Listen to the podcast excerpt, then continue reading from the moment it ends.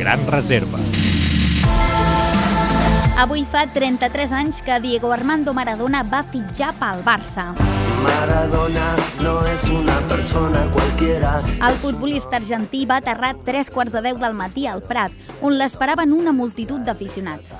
El millor jugador del món deixava l'Argentina i el Boca Juniors per fer el salt a Europa.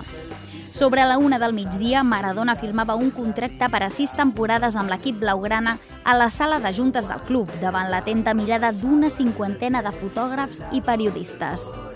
El Barça havia intentat fitjar Maradona feia dos anys i finalment s'havia acordat el traspàs pel juny del 1982, després del Mundial de Futbol d'Espanya. La selecció argentina estava concentrada a Alacant, esperant el debut al Mundial, i César Luis Menotti va concedir un permís especial a Maradona perquè viatgés a Barcelona i signés el contracte.